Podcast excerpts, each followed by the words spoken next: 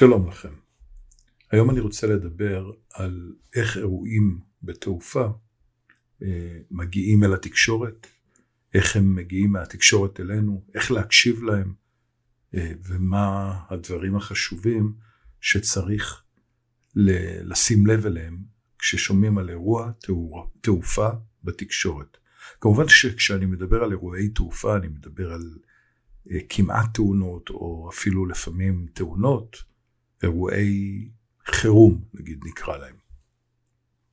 אז לא פעם אנחנו נתקלים בכותרות בעיתונות ושומעים או קוראים על אירועי תעופה. כתבה בטלוויזיה למשל שבה סיפור זוועה על אירוע מבהיל שאירע בטיסה. אז התיאורים המפורטים האלה על רגעי האימה בשחקים, כמו שאוהבים לקרוא להם, בתוספת כל מיני פרטים על אנשים שצרחו, התעלפו, התפללו, תמיד הם מתארים לנו תמונה קשה, וברוב המקרים הם מכסים על איזושהי עובדה ממש קטנה, כמעט בלתי חשובה, שכל המעורבים הלכו בסוף היום הביתה לביתם בשלום. אבל למה להתקשקש עם עובדות? הרי אירועי תעופה מצטלמים יפה והם מביאים רייטינג, אז למה שלא יגזימו קצת? אבל אתם יודעים שלא מעט אנשים מתייחסים בחרדה מאוד קשה לתיאורים האלה, והם מזינים את הפחד מטיסה שכבר קיים להם, וגורמים לטיסה הבאה להיות עוד יותר קשה, או אפילו להתרחק מהם. אז אנחנו מדברים פה בפרסומים בעיתונות הכתובה, המשודרת, ושואלים את עצמנו, האם הם fake news, כמו שאוהבים להגיד? אז בואו לא נהיה תמימים. מטרתם של אמצעי התקשורת היא ליצור עניין. ואם יש אפשרות לגרום לידיעה כזו או אחרת להיות יותר עסיסית, יותר מרתקת, הם לא יוותרו על ההזדמנות. עדיין לא הייתי קורא לזה ממש fake news, שזה, שזו אשמה כבדה על מפרסמי הידיעות, אבל אני מבקש לעמוד על דעתי שאין להתכחש לעובדה שבמקרים רבים הפרסומים האלה פשוט שגויים. לפעמים הם פשוט לא מתאימים למציאות. אני במאמר אחר מביא כל מיני דוגמאות ממש קיצוניות לפרסומים כאלה, אולי נעשה על זה פודקאסט, אבל במהלך השיחה הזאת אני אזכיר אולי לפחות אחד כזה. אנחנו גם לא יכולים להתעלם מדיווחים על תאונות בטיסה, תאונות קורות, אתם יודעים, ואירועים כאלה מוגדרים כאסונות. ואי אפשר להכחיש שלפעמים, אמנם לעיתים די נדירות, מתחוללות תאונות בטיסה, למרות שמדובר באמצעי שהוא מאוד מאוד בטוח, אנחנו מדברים על זה לא מעט. אז אני היום רוצה לתת לכם כמה כלים להערכה נכונה יותר של ידיעות על אירועי תעופה, ככה שתוכלו לשפוט בעצמכם את התמונה המצטיירת ולהגיע למסקנות. אז נתחיל מכלי העבודה הראשי. הכי חשוב להבין שמטרת הכותרות בכל ידיעה עיתונאית, אם זה כתובה, אם זה ממש המילים הראשונות של כל כתבה בטלוויזיה או ברדיו, ברדיו, היא למשוך את תשומת לבכם. הכותרת לא מספרת את הסיפור, למעט במקרה אסון כמובן, ולכן אם מדובר באירוע שממש לא מוגדר כאסון, והכותרת גרמה לכם תגובה רעה, אתם חייבים לקרוא את הפרטים, שכן הכל מוסבר בהמשך, והפרטים האלה הם מה שיסבירו מה באמת קרה שם. למשל, היה אירוע באחד האתרים, שבו גלגל אחד משישה גלגלים של מטוס אה, היה תקול, היה בו נקר, והכותרת באותו כלי פרס, עיתונות יחסית אה, נפוץ בארץ היא מדויק תיעוד נקודותיים גלגלי המטוס התפרקו באוויר. נו באמת. שום דבר, היה פאנצ'ר בגלגל, זה כל מה שהיה שם. בתוך הכתבה זה כבר היה מוסבר יותר נכון. או למשל, בעיתון אחר, או באתר אחר בעצם, תיעוד נקודותיים, נחיתת חירום בשדה התעופה באנגליה. והכותרת מתחת לזה היא רגעי חרדה נרשמו השבוע בבירמינגהם וכדומה וכדומה. המטוס בסך הכל דיווח על תקלה הידראולית ונחתו בשלום. אז אני לא מציע לכם להתחיל לחפש את הכתבות האלה ואת הכותרות האלה, אבל אי הדיוקים בכותרת הם בדרך כלל יכולים להיות ממש דרמטיים. אתן לכם uh, עוד דוגמה לכותרת, שוב uh, באחד האתרים, uh, והכותרת היא מדויק, כן? המטוס הודיע בטעות, נקודותיים, אנו עומדים להתרסק. באמת. ומתחת לזה כתוב הודעה אוטומטית שהושמעה בטעות בטיסת בריטיש איירווייז לסין גרמה לבהלה רבה בקרב הנוסעים. וההודעה המבהילה, עכשיו כבר הם מצטטים משהו קצת שונה, זהו מצב חירום, ייתכן ונאלץ לבצע נחיתת חירום על המים. אז, אז בכותרת כתוב המטוס הודיע אנו עומדים להתרסק, ובכותרת המשנה כתוב זהו מצב חירום, ייתכן ונאלץ לבצע נחיתת חירום על המים. ובגוף הידיעה זה כבר מוסבר טיפה יותר טוב, שבסוף בסוף כל מה שהיה זה הודעה ברמקול שמיד הפסיקו אותה.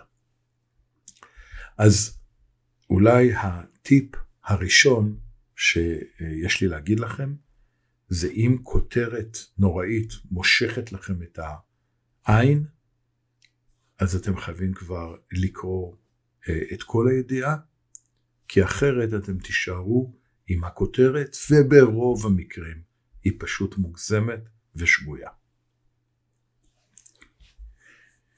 אז אם עכשיו נכנסנו לתוך uh, הכתבה, או האזנו לשידור, או ראינו בטלוויזיה, אז בואו תנסו לדלות מתוך כל התיאורים והצעקות את השאלה הכי חשובה. האם מישהו באמת נפגע שם? בכתבות uh, כאלו ואחרות על אירועי תעופה מסופר על נפגעי הלם שפונו לטיפול. או אנשים שנפגעו בפציעות קלות. עכשיו, נפגע הלם, לפחות בדיווחים בטלוויזיה או בתקשורת, יכול להיות כל אדם שחש ברע לאחר איזשהו אירוע, שהוא בעצמו חווה אותו כטראומטי, לאו דווקא קרה שם משהו אמיתי. ברוב המקרים, אם זה קרה, מדובר בתופעה זמנית וחולפת. עכשיו, גם לפעמים, כשמישהו אה, מדווחים עליו שהייתה לו פציעה, זה יכול להיות פציעה קלה שנגרמה כתוצאה מזה שהוא חבל את עצמו, נחבל בגלל טעות של עצמו, זה לאו דווקא הסיפור הנורא של אנשים שמדממים למוות. היה, אם אתם זוכרים, איזה אירוע בטיסה שבו נדמה לי 13 נפגעים נפגעו מאיזשהו טורבולנס בנתיב בטיסה לישראל, והתבקשתי לבוא ו... ולדבר על זה בטלוויזיה. ביקשתי רק דבר אחד, שלפני שאני מגיע לשידור, ידווחו לי מה קרה ל-13 הנפגעים מהאירוע הזה. חתיכת אה, סיפור, ובאמת כשהגעתי בבוקר לאולפן, ביקשתי לדעת מה קרה להם, אתם בוודאי יכולים לנחש. אולי היו 13 אנשים שדיווחו על משהו, אף אחד מהם לא דווח שפונה למרפאה, לבית חולים, שום דבר. הדיווחים המפוצצים האלה טובים לייצר כותרות. בשורה התחתונה, שום דבר. אף אחד לא פונה, אף אחד לא, לא, לא הגיע לבית חולים ואפילו לא למרפאות. אז העצה השנייה שלי לכם היא, נסו להבין מכל הסיפור הדרמטי, מה קרה בסוף. האם נפגעו אנשים או לא, כי זה מה שחשוב. ההצעה הבאה שלי היא להפריד בין עדות לבין עובדות. בהרבה כתבות מביאים ציטוטים או עדויות מוקלטות או מצולמות של נושאים מבוהלים או עדי ראייה לאיזשהו אירוע שקרה. אלו הן עדויות שמושפעות בדרך כלל מהדרך הסובייקטיבית שהמעיד חווה את האירוע, הגיוני. והם מועצם, וכל האירוע הזה, כל החוויה הזאת מועצמת מאוד על ידי בהלה ופניקה, ובעיקר מתייחס לפירוש שהוא לא בהכרח מקצועי של אותו מעיד, איך הוא חווה את האירוע הזה. למשל, אה, מאוד נפוץ לשמוע אחרי אירוע של מערבולות בטיסה, אתם זוכרים, קוראים לזה כיסא אוויר, ויש לנו באפליקציה פרק נכבד שמסביר גם עליהם וגם על מה אנחנו חשים, וגם מסביר אה, למה אנחנו טועים בפירוש שלנו, אה, מה באמת המטוס אה, עושה. אז אחרי אירוע כזה, הרבה מאוד פעמים אנחנו שומעים אנשים מספרים שהיו שם כמובן, והם טענו שהמטוס צלל מהשמיים קילומטרים רבים, או שאנשים התעופפו באוויר, ואני פשוט אה, אומר לכם, אני טס מעבר, מעל ל-40 שנה, המטוס שלי מעולם לא צלל, לא הכרתי אף אחד שאיבד קילומטרים רבים בצלילה כזאת. אתם זוכרים, גם אין כיסים באוויר. המטוס יכול להיטלטל, אבל בפועל הוא טס יחסית יצ... ישר, או יחסית באותו מקום אה, בשמיים. אז המעיד מעיד על, על התחושה שלו, והיא בדרך כלל אה, מה שהוא ממש הרגיש. אבל מי שמסתכל בסרטון על המערבולות, יכול להבין שהתחושות שלנו בקטעים האלה מרמות אותנו. ולכן אה, העדות הזאת היא לאו דווקא המציאות. עבורכם, מין עדות כזאת יכולה לגרום לתחושת פחד יותר גדולה, ולכן צריך לזכור, זה מה שבן אדם מדווח על מה שהוא חש, זה לאו דווקא מה שקרה. אז אנשים באמת יכולים להיפגע, אבל אנשים באמת לא עפים באוויר כשהמטוס קצת קופץ, וכמו שאמרתי לכם, אני לא ראיתי, לא חוויתי כאלה מערבולות, ואני טס הרבה מאוד. עכשיו, אנשים לפעמים גם מדווחים, חשבנו שאנחנו הולכים להתרסק. ואני מאמין להם, הם באמת חשבו כך. אבל מול החוויה שלהם צריך לזכור שבסוף, כמעט תמיד, עם כל הסיפורים האלה, הם מספרים לכם את זה כשהם עומדים בניחותא אה, באיזשהו מקום, הם לא התרסקו, הם לא נהרגו. זה לא היה אירוע אה, מסוכן כמו שהוא מתואר, שוב, ברוב המקרים, ברוב הגדול של המקרים. אז העצה הזאת, הכותרת שלה, כמו שאמרתי, הפרידו בין עדויות לעובדות. מה שחוו אנשים אלו ומספרים עליהם אלו עדויות, אבל מה שקרה בסוף זה מה שחשוב. ועכשיו אני הולך להסתבך עם כמה מהאנשים שאולי אפילו מכירים אותי, מומחים בפרוטה. באחד הימים קיבלתי איזשהו טלפון מאוד uh, בהול מתחנת טלוויזיה, ביקשו ממני להגיע לאולפן כדי לשמש פרשן בזמן אמיתי לאירוע אווירי. לא הייתי זמין באותו זמן uh, לעשות את הדבר הזה, והוזמן לתחנה טייס קרב בעברו, מהולל מאוד, והוא הסביר לצופים בבית uh, מה, מה קורה ומה צפוי לקרות. אגב, כל uh, תחנות הטלוויזיה שאני ראיתי באותו זמן, הפסיקו את השידורים הרגילים ופתחו גל פתוח. עד כמה שאני מבין, uh, הרבה מאוד אמבולנסים מגוש דן הגיעו לנתב"ג באותו רגע, מחכים לאסון הגדול שחס וחלילה עומד לקרות. מה היה שם?